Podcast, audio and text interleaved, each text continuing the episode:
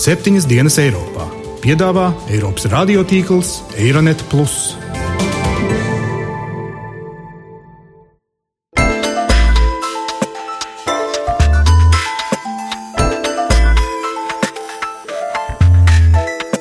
Šonadēļ septiņas dienas Eiropā dzirdēsim. Sociāldemokrātiskās partijas Eiropā ir pietiekoši atšķirīgas. Nevar tā cilvēku vienkārši aizsūtīt atpakaļ. Pret to nevajadzētu izturēties nievājoši, jo tās ir nopietnas lietas.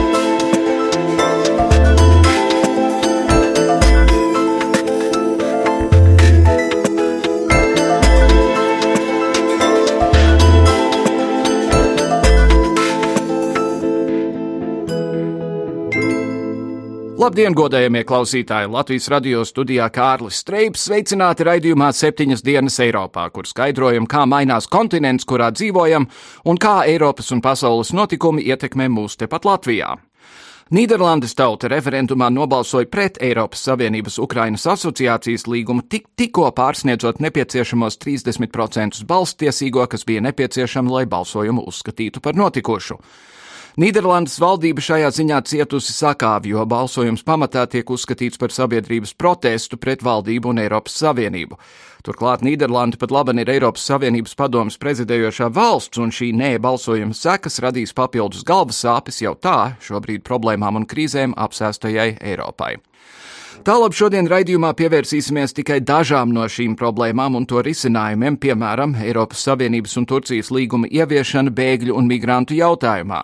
Vēl spriedīsim par ideoloģiskām problēmām uz Eiropas politiskās skatuves, vai kopš pārciestās globālās finanšu krīzes sācies sociāldemokrātisko ideju un kreisi centrisko partiju norietas. Bet vispirms, vai tiešām varam cerēt, ka Panamas dokumentu nopludināšana kaut ko varētu mainīt bagāto un varano izdarībās? thank you Šī mēneša sākumā vācu laikrakstu Deutsche Zeitung publicēja milzīgu apjomu nopludinātu datu no Panamas juridiskās firmas Mossack Fonseca. Dokumentos minēti aptuveni 14,000 klientu, kuru starpā ir dažādi politiķi, viņu paziņas vai tuvinieki, kuri virzījuši naudu cauri offshore uzņēmumiem, lai izvairītos no nodokļu maksāšanas. Lai arī liela daļa firmas darījumu veikti saskaņā ar iesaistīto valstu likumdošanu, skandāla rezultātā vairākās valstīs sākta oficiāla izmeklēšana un aktīva diskusija par likumiskām reformām attiecībā uz offshore darījumiem. Stāsta pētnieciskais žurnālists Vils Fitzgibbons. It's hard to say. With 11.5 million files and 220,000 offshore companies, it's hard to say. Certainly, the examples of illegality or even moral suspicion that we found Pat labam ir grūti noteikt, cik liela daļa no uzrādītajiem 220 tūkstošu offshore uzņēmumu ir pretlikumīgi. Pavisam noteikti pārkāpumu vai aizdomīgu gadījumu ir relatīvā mazākumā. Firma Mossack Fonseca, kas radīja šos uzņēmumus, mums stingri norādīja, ka tā ir cienījama firma, kuras klienti strādā saskaņā ar likumu. Es domāju, offshore sistēmas problēma ir tā, ka pat ja niecīga daļa no simtiem tūkstošiem šādu uzņēmumu ir saistīta ar korupciju, kukuļdošanu vai ar ieroču vai narkotiku kontrabandu, tas vien jau rada iemeslu pārskatīt offshore pasauli un veikt reformas. Līdzīgi kā pēc Wikileaks skandāla sākās plaša diskusija par datu drošību un drošības aģentūru visatļautību, tad šķiet pēc šīs slepeno datu nopludināšanas pienākus kārt arī globālai finanšu un nodokļu sistēmai. Svarīgs, protams, ir likumiskais aspekts, bet daudzus uztrauc arī offshore sistēmas ētika. Vai tiešām drīkst pastāvēt tāda paralēla sistēma, kas principā tikai vairo bagātnieku bagātību, uzgrūžot globālo nodokļu slogu uz mazāk turīgu? Turīgo ļaužu pleciem. Kad Panamas dokumentu saņēmējam žurnālistam Frederikam Obermajeram vaicāja, kas būs šīs noplūdes galvenais rezultāts, viņš atzina, tas, ka neviens, kurš slēp savus likumīgos vai nelikumīgos darījumus ārzonu vai offshore pasaulē, vairs nevarēs justies pilnībā droši, jo nevar zināt, kādi vēl ziņotāji tur ārā slēpjas. thank you Kopš stājies spēkā Eiropas Savienības un Turcijas līgums par imigrācijas plūsmas apturēšanu marta beigās, Egejas jūrā ceļā no Turcijas uz Grieķiju nav noslīcis neviens migrants vai bēglis. Atbilstoši līgumam, visi migranti, kas Grieķijā ieradušies pēc 20. marta, tiek nosūtīti atpakaļ uz Turciju. Pirms līguma noslēgšanas Grieķijā katru dienu ieradās vidēji 16 tūkstoši bēgļu un migrantu. Kopš 20. marta šis skaitlis nokritis līdz vidēji 399 dienā. Vairāk par to, kā sokas Eiropas Savienības un Turcijas līguma ieviešana, mana kolēģe Jāņa Kropa sižetā.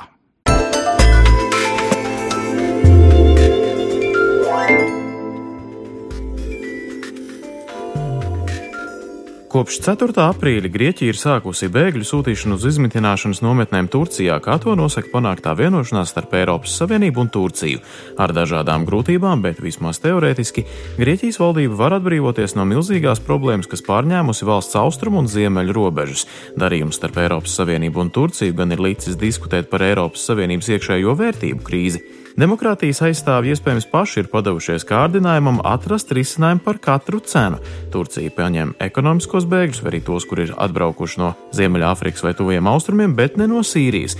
Kara bēgļus Eiropa uzņemšot pati. Apmaiņas darījums, viegli sakot, ir izraisījis cilvēktiesību ekspertu sašutumu, jo pēc nacionālās piedarības šķirot cilvēkus, kur meklē patvērumu, nedrīkst.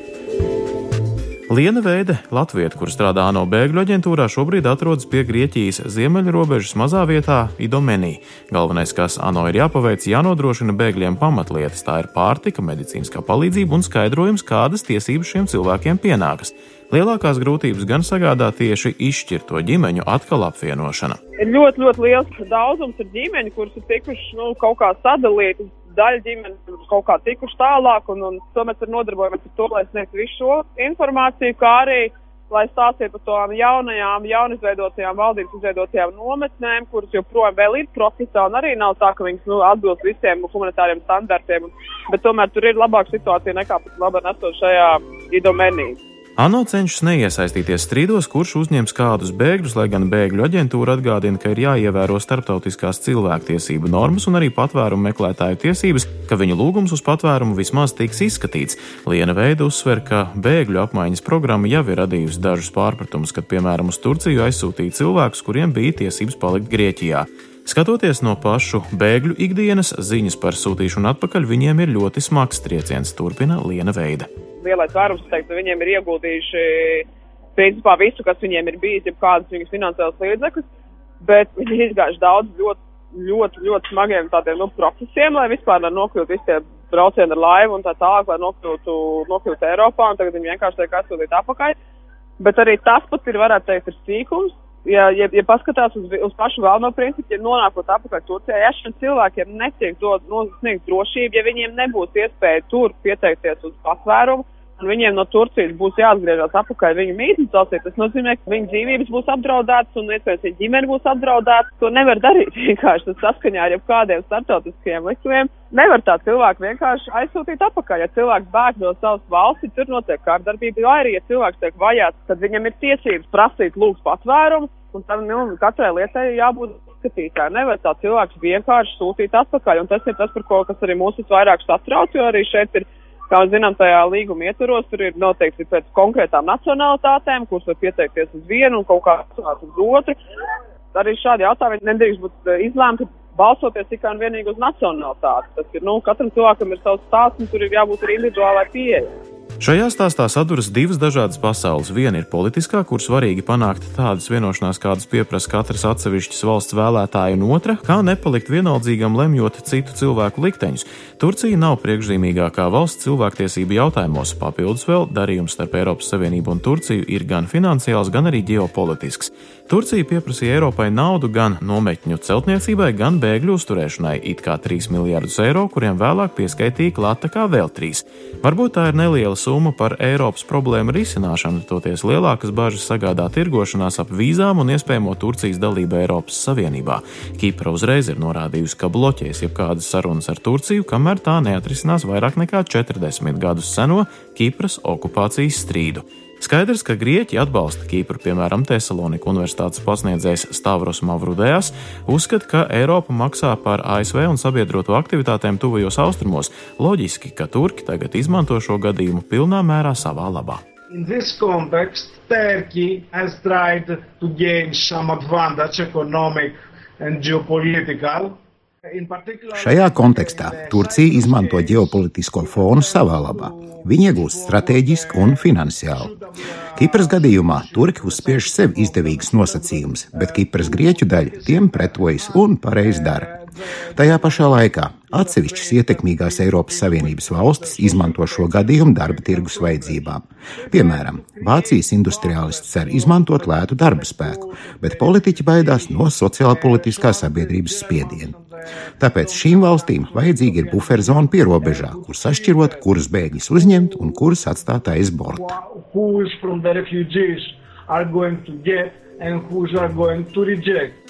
Grieķijas eksperti, protams, varētu būt tendenciozi gan pret Turciju, gan arī pret Vāciju. To noliegt nevar, bet Grieķijas valdībai bēgļu krīze arī ir milzīgs politiskais ierocis. Neviens tagad taču vairs nerunā par finanšu krīzi. Cits gan jautājums ir, vai Eiropas Savienība nenodod savus ideālus. Amnesty International jau no pērnā gada beigām ir brīdinājusi, ka Turcija mēdz piespiedu kārtā pārvietot bēgļus atpakaļ uz Irāku vai Sīriju. Turcija mēģināja pārliecināt, ka pirms pārvietošanas ar šiem cilvēkiem it kā runājuši ANO pārstāvi, taču tie, protams, ir meli.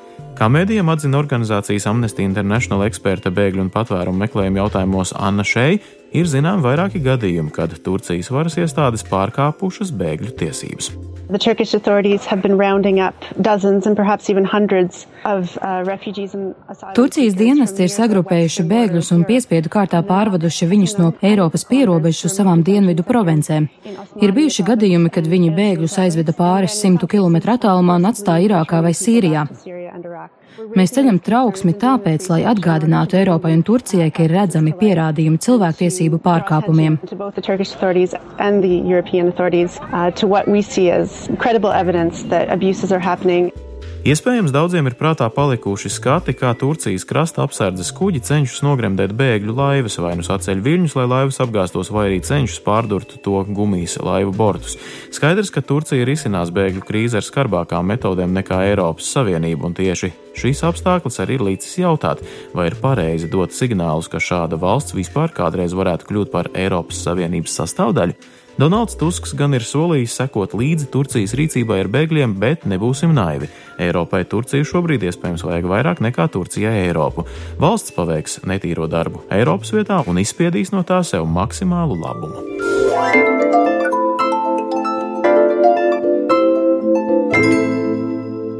Ja vakar Vācijā būtu notikušas Bundestāga vēlēšanas, tikai 21% vēlētāji balsotu par sociāldemokrātiem. Kopš tiek veiktas vēlētāju aptaujas, SPD partija nekad nav saņēmusi tik zemu atbalstu. Turklāt, salīdzinoši jaunā labēji populistiskā alternatīva Vācijai ir kļuvusi par trešo lielāko partiju ar 14%.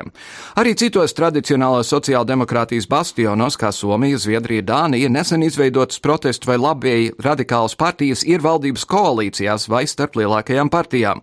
Lai spriestu par to, vai uz Eiropas politiskās skatuves ir sācies neatgriezenisks sociāldemokrātisko un kreisi centrisko partiju noriets un par to, kādas partijas nāk vietā, studijā esam aicinājuši politologu Ivaru Ijabu. Labdien! Labdien!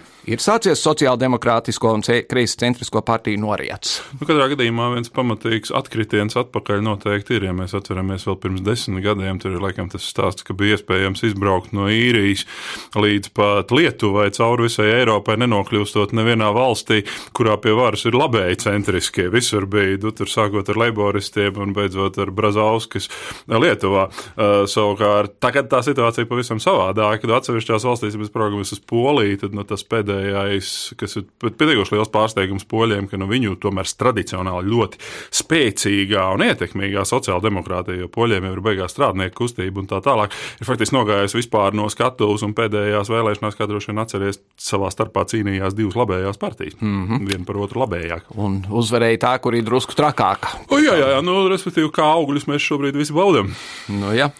uh, vai, vai pat labi mēs redzam vienkārši svārsta šūpošanos starp labo un kreiso, vai te ir kaut kas jauns ar šīm, šīm alternatīvā Vācija un tam līdzīgām partijām? Jāņem vērā tomēr, ka kaut arī tas vārds sociāldemokrātija ir tāds universāls un šķietam ļoti eiropeisks, bet ir skaidrs, ka sociāldemokrātiskās partijas Eiropā ir pietiekoši atšķirīgas. Īpaši tur ir tomēr diezgan būtisks atšķirības starp sauko veco Eiropu un jauno Eiropu, jo vecajā Eiropā tur ir nepārtraukta tradīcija, kur ir pēc kara vai ne šis uzplaukums, kur tie sociāldemokrāti tādā vai citā veidā bijuši pie varas īpaši jau Ziemeļvalstīs. Tā ir nu, izteikti tāda sociāldemokrāta joma. Savukārt jaunajās, tā skaitā arī Latvijā, dalību valstīs tas nav tādas nepārtrauktas sociāldemokrātijas tradīcijas, un tieši šī iemesla dēļ nu, tur par sociāldemokrātiem saucās visneiedomājamākie. Nu, ja paraugies, piemēram, kaut vai uz uh, to pašu Slovākiju ar to Robertu Fico, vai ne, kas ir nu, tāds kārtīgs populists, bet nu, viņš arī formāli skaitās sociāldemokrāts. Nu, vai, un, nu, vai arī otrā pusē, nu, piemēram, Igaunija, vai ne, kur ir sociāldemokrāti, kuru droši vien redzamākais pārstāvis ir Ilves, kas ir pakal pavisam, pavisam cits stāsts. Nu, līdz ar to nu, tas, tas vārds ir nu, tāpatās, tā kā, nu, kas, kas ir kopīgs visām sievietēm vārdā Marija, nu, droši vien tikai tas, ka viņām ir tas vārds Marija, vai ne? Nu, tieši tādā pašā veidā arī droši vien, ka Tomēr uz to sociāldemokrātiju ir jāraugās pietiekuši diferencēti.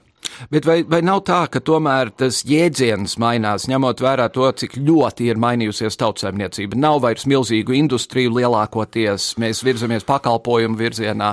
Tas ir ārkārtīgi pareizi, ko tu saki, tāpēc, ka tas attiecās pat ne tik daudz uz to jēdzienu, cik attiecās arī uz to elektorātu. Jo, ja mēs tā paraugamies uz Vāciju, tad, nu, kur ir tradicionāli tā Eiropas spēcīgākā sociāla demokrātija, kas ir vēl no 19. gadsimta 80. gadiem nepārtraukti pastāv SPD, kas ir tomēr milzīga tradīcija, kas vienmēr ir bijusi orientēta tiešām uz šiem industriālajiem strādniekiem, vai ne? Tur ar, ar klasisko kepku galvā, vai ne? Nu, tā teikt, strādā Volkswagen gan rūpnīcā un, un tā tālāk. Un tā tālāk.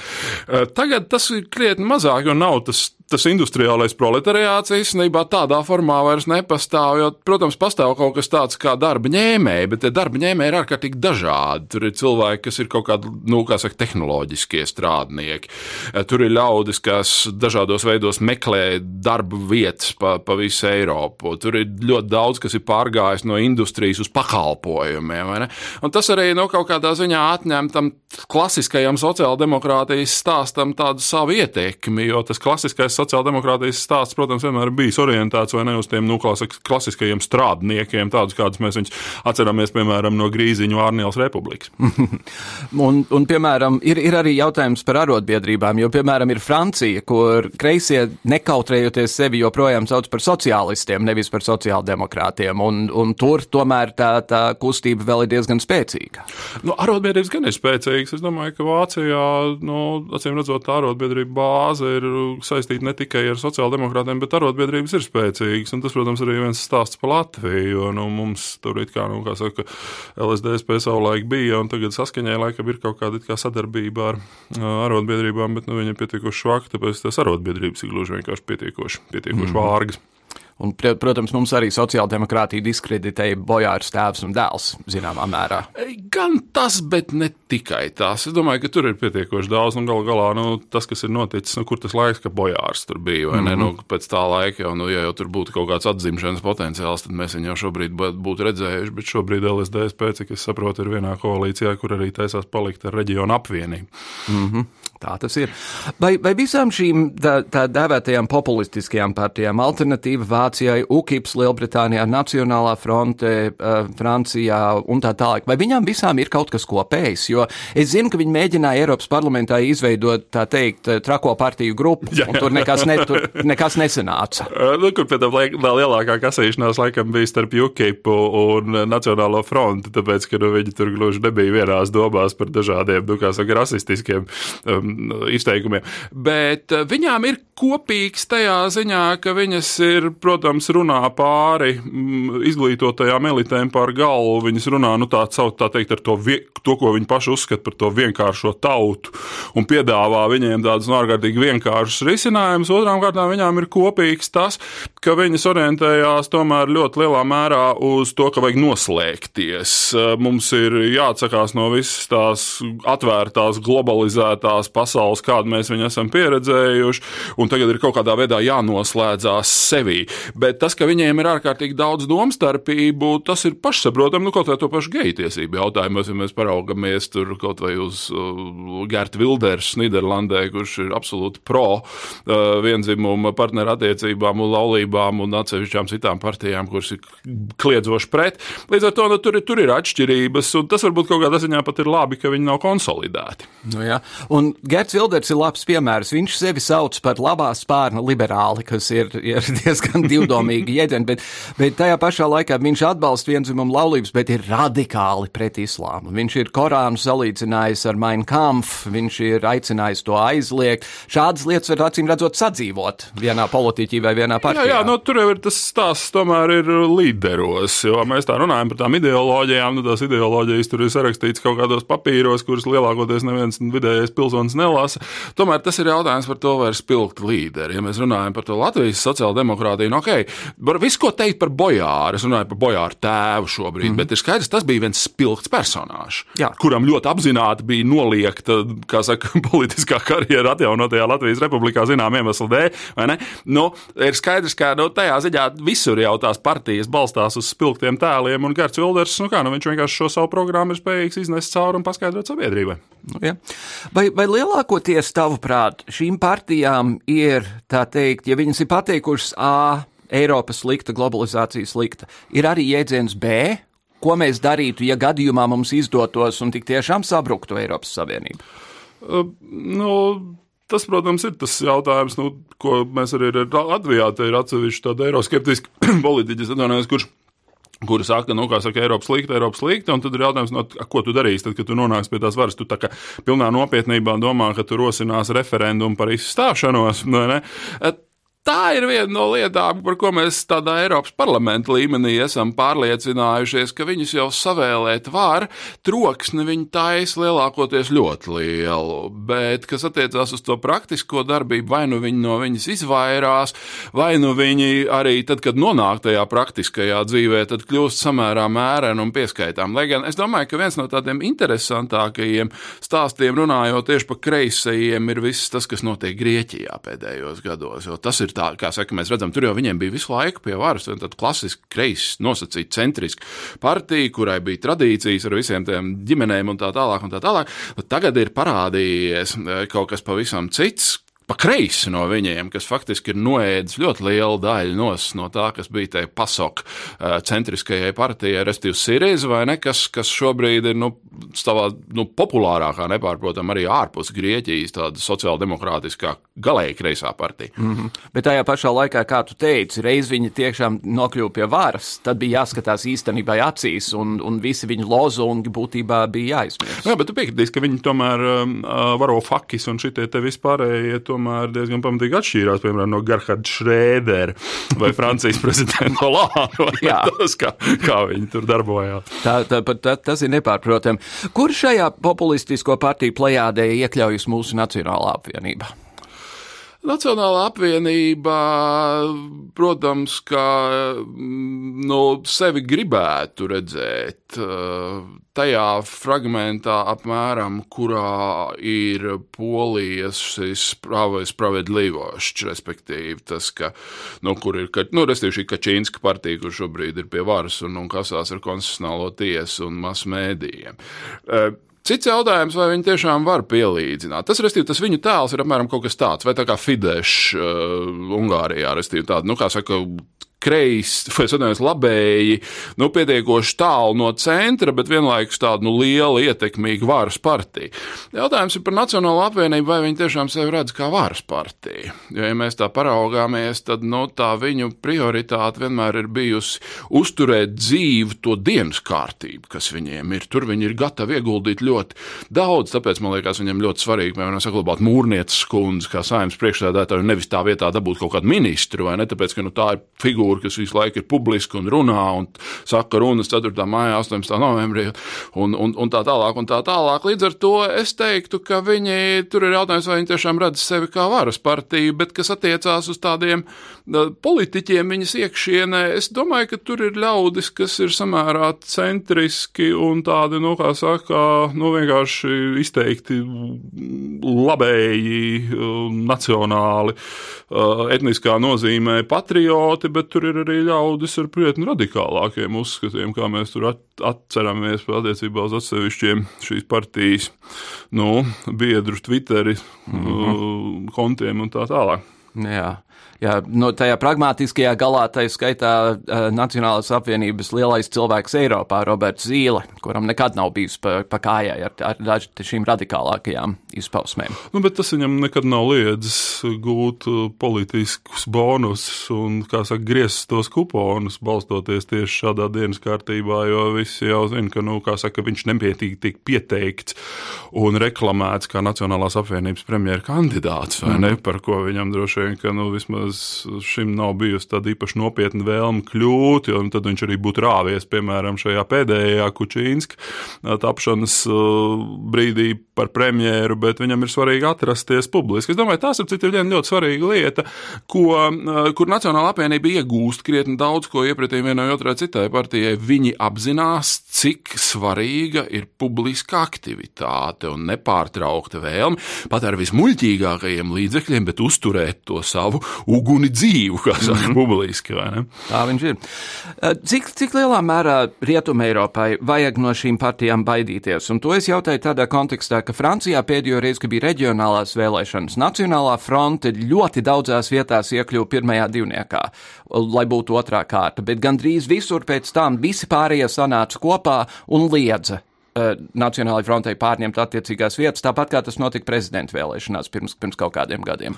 Jā, tur Francija glābi viņas vēlēšanu sistēmu, jo viņiem ir vienmandāta apgabali, un tajā ziņā tur, kā, kā zināms, uh, ir grūti, tik kaut arī tev ir 20 pār procentu atbalsts kopumā sabiedrībā, tu nevari dabūt nevienu mandātu Nacionālā asamblējā, tāpēc, ka tev vienkārši nevienā no apgabaliem nesanāk vairāk kā citiem.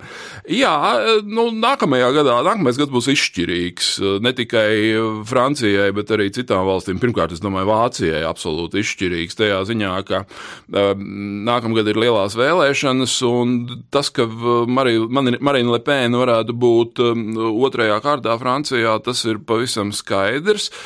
Šogad, es domāju, tas nozīmīgākais notikums attiecībā uz Eiropas nākotni tomēr ir tas Britu referendums uz līgo vakarā, eh, saka, kas varētu diezgan daudz ko pamaisīt, jo tas varētu dot ļoti daudziem precedentu, ka, nu, redz, kā ja jau tie Briti, tad mēs arī, nu, nav ko tur rakstīties vairāk ar to Eiropu. Tajā ziņā tas ir nopietni, tas to, tam, pret to nevajadzētu izturēties nu, kaut kā absolūti uh, nievājoši, jo tās ir nopietnas lietas. Tiešām, kas attiecās uz Vācijas politiku, tad Vācijā, protams, arī ir jā, tur viss šis Pegida un alternatīva für Deutschland, bet es domāju, ka Vācijai nedraud nekāda radikāla politiskā kursa maiņa, tāpēc, ka pat tad, ja viņi iegūst tie AFD, saucamais ļoti lielu daļu, kas ir tie eiroskeptiskie populisti, tad um, visdrīzāk mums būs vienkārši vēl viena lielā koalīcija, vai ne, kurā mm. būs Merkele kopā ar sociāldemokrātiem. Mēs jau kaut ko tādu esam redzējuši. Francijai, kas ir prezidentāla valsts, tas ir mazliet savādāk, bet es domāju, ka lielais vairums franču nebalsos par Marinu Lepēnu, kaut arī otrajā kārtā viņi noteikti varētu būt. Jautājums, kas ir pretinieks, ja pretinieks varētu būt Sarkozī, cik es saprotu, tad, nu, mm. nu, kā saka, tā būs viena riktīga cīņa. Un Sarkozī droši vien cer, ka Marina Lepēna būs otrā šajā, tā, jā, jā. šajā, šajā kontekstā. Dīvainas lietas. Cik svarīgs bija Nīderlandes balsojums par Ukrainas līgumu pagājušajā nedēļā? Mm, es domāju, ka viņš ir svarīgs ne tik daudz attiecībā uz to Ukraiņas asociācijas līgumu, cik tas ir tomēr svarīgi mm, Eiropai kopumā, jo mēs redzam, ka tas jau bija stīgi ņemot balsojums pret Eiropas Savienību kā tādu uh, lielos vilcienos. Uh, nu, es domāju, ka tas ir svarīgi. Uh, Cits jautājums, protams, ir, nu, kā mēs iedomājamies vispār tālāko sadarbību šeit Eiropā ar Ukrainu, jo tur ir, nu, saka, dažādi iemesli dēļ tā situācija nav īpaši rožaina. Mēs zinām, ka daudzi no šiem eiroskeptiķiem, un, man liekas, Naidžels Farašs bija pirmais no UKIP, kurš tika apsveicis Nīderlandes tautu, saka, ar, ar šo uzvaru par to, ka, nu, mēs visi tagad taisamies prom no tās Eiropas Savienības. Nu, tas ir, redz, atkal jautājums par to, kā uh, uz to raugās kurā valstī, un, un Britiem tur ir savi apsvērumi, kāpēc viņi ir eiroskeptiski un Nīderlandiešiem atkal savi. Man kā latvietim tas viss riekās absolūti, absolūti slikti, jo Latvijai mūsu integrācija Eiropas Savienībā ir kaut kas absolūti svarīgs mūsu valsts tālākai attīstībai, kas varbūt no Britu salu perspektīvas izskatās pavisam savādāk. Nu, jā. Bet tajā pašā laikā, teiksim, to es šodien paskat, eh, paskatījos, eh, tad, kad bija tas balsojums. Nīderlanda ir ceturtais lielākais tirdzniecības partneris Ukrainai. Un, un tur ir milzīgi liela starptautas tirdzniecības starp tām vienām un tām otrām. Tas, tas liecina, ka tas jau nebija tas jautājums, jo, jā, jo asociācijas jā. līgums ir par tirdzniecības lietām pirmām kārtām. Taisnība. Cik es saprotu, tad šis balsojums ir konsultatīvs, bet, nu, protams, ka tā Nīderlandes valdībai vajadzēs stipri piedomāt, nu, kādā veidā tad viņi var iet pret to balsojumu, ja viņiem, piemēram, ir tāda vēlme un tomēr to ratificēt. Eh, tas viņi jau ir ratificējuši. Viņi ir, ir jā, nu, viņiem ir, viņiem ir jāredz, nu, redz, viņi, viņi, viņu tā ratifikācija tiek apstrīdēta referendumā, tā laikam tas tur notika. Bet uh, kopumā raugoties, nu, tas, es domāju, ka šajā gadījumā tā, protams, nav tikai Ukrainas problēma, kā mēs to iedomājamies. Uh, kas ir arī, gan, protams, tāda plašāka tēma attiecībā uz Eiropas Savienības austrumu partnerību un austrumu kaimiņiem. Jo, nu, jā, tur ir gājis visādi pa šiem gadiem. Nu, skaidrs, ka Ukraiņas šī brīža situācija tur īpaši radikāli neizmainīs. Tas, ka tiks arī noslēgts šis um, asociācijas līgums un arī ratificēts, bet Eiropas Savienība līdz šim, kā mēs to zinām, ir dzīvojusi nepārtraukti paplašinoties, un tā paplašināšanās ir bijis viens no vispār iemesliem šīs savienības eksistencē. Ne, mēs ņemam iekšā visus, mēs viņiem tur, kā saka, do, dodam palīdzību, no otras puses mēs prasām viņiem tur noteikti tiesiskumu, korupcijas apkarošanu, zināmas tirgus nosacījums un tā tālāk. Un tā tālāk. Nu, tagad, laikam, šis stāsts ir beidzies. Tagad ir, mēs esam nonākuši tajā fāzē, ka mums jācenšas saturēt kopā tie, kas ir, nevis jāmēģina ieraut vēl kāds iekšā. Ja. Un tad jāsaka, labi, ka mēs paguvām. Latvijā. Nē, nē, nē, tas ir absolūts. Tas ir absolūti. Mēs varam visu, ko riebīgi un ļoti pamatot pateikt par Latvijas politisko eliti, bet tas, ka mēs tomēr jau 90. gados ļoti skaidri uzņēmām kursu uz dalību šajās abās organizācijās, proti, NATO un Eiropas Savienība, bija absolūti gudra un pareiza lieta. No nu jā, un laikā kopš tam, lai arī ko neteiktu mūsu grostiņi un cita veida cilvēki, tas ir bijis lielākoties pozitīvi Latvijai. Tieši tā. Tieši tā. Iversijāps, paldies par sarunu. Paldies! Tam. 27. aprīlī Eiropas radiotīkls Eironet Plus atkal rīkos lielo Big Crunch diskusiju. Tur Eiropas politiķiem tiks uzdoti tādi jautājumi, uz kuriem klausītāji grib dzirdēt atbildes par migrāciju, Schengenu, brīvu pārvietošanos, par mūsu drošību un mūsu finansēm. Diskusijā varat piedalīties arī jūs, nobalsojot Eironet Plus mājaslapā vai atrodot un uzklišķinot banneri Latvijas radio mājaslapā. A mēs septiņas dienas Eiropā jau esam nobalsojuši. Aprīļa sākumā kārtējo reizi ziņās nonāca konflikts Kalnu Karabahā starp Azerbaidžānu un Armēniju. Konflikts šajā reģionā ilgst jau vairāk nekā 20 gadus un ik pa brīdim uzliesmo, aizsūta pārdesmit cilvēkus uz aizsālu un tad atkal tiek iesaldēts, bet ne atrisināts. Arī šobrīd paziņots par uguns pārtraukšanu. Bet kas ir ieguvējis no šī šķietami nebeidzamā kara? Turpina Latvijas Universitātes profesors Leons Taivāns. Krievija ir ieguvēja šajā konfliktā ar to, ka Krievija atbalsta Armēniju, un Armēnija ir vajadzīga Krievijas atbalsts pret Azerbaidžānu. Ja nebūs šīs Karabaha problēmas Armēnijai, piemēram, kur dzīvo viņu armēņi, kas faktiski ir tāda, tāda, nu, var teikt, satelīta teritorija, Armēnijas satelīta teritorija, gluži tāpat kā Krievijai Piedņestra, ir satelīta teritorija, Dienvidosetija ir, ir satelīta teritorija, sal, iesaldētie konflikti. Tad Armēnija arī pieprasīja, tāpat kā Grūzija, pievienoties Eiropas Savienībai un NATO. Un tā ir tā šnorīte, ar ko Krievija viņu tur. Un līdzīgā kārtā Krievija tur arī Azerbaidžānu. jo Azerbaidžāna saprot, ka Krievija atbalstīs kā strateģiski partneri Armēniju, un ja, teiksim, izvērsīsies karš, tad Krievija būs Armēnijas pusē un Azerbaidžāna zaudēs. Un Azerbaidžāna tad ir vajadzīgs arī tad Krievijas atbalsts, lai viņi tā teikt, ka varētu sarunāt, ka Krievija tur Armēnija īpaši neatbalsta un tā tālāk. Tāds nelāks līdzsvars tiek uzturēts un laika pa laikam šīs apšaudes un kardarbība atjaunojās, viņi intensificējās pēdējos gados. Uz robežas tādu sīku incidentu skaits ir pa vairākiem tūkstošiem palielinājies salīdzinājumā 13. 14. gadu. Tāda ir tā šodienas situācija. Ir daudz spekulācijas par to, vai šī vieta nevar kļūt par konflikta vietu starp uh, Turciju un Krieviju. Šeit ir tādas spekulācijas, bet diezin vai Krievija ar Turciju karos Karal Karala un Karabahas teritorijā. Tas ļoti apšaubāms. Tā kā tas ir tāds ieilgs konflikts, kuram galva nav redzama. Tāpat kā nav redzams gals Piedņestrai, nav gals redzams Abhāzijai, nav gals redzams Osetijai.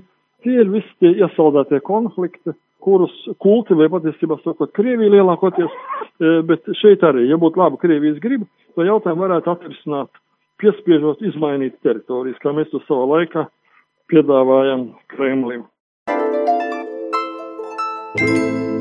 Ar to arī izskan šīs nedēļas septiņas dienas Eiropā. Šis pēdējais par Nagorno Karabahu, tas ir tiešām ļoti būtisks jautājums, dāmas un kungi, jo Kalnu Karabahā atkal šķiet veidojas sprādzienu bīstama situācija. Tā būtu jāpieskata, tā būtu jāuzmana. Līdz nākamajai nedēļai Kārlis Streips, visu labu!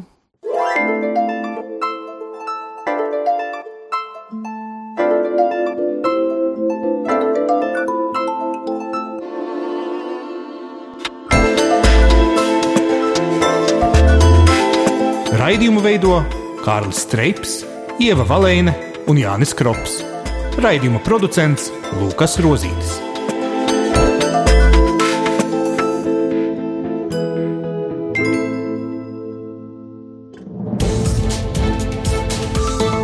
Visus Eironet plus sižetus un raidījumus meklējiet Latvijas radio mājaslapā.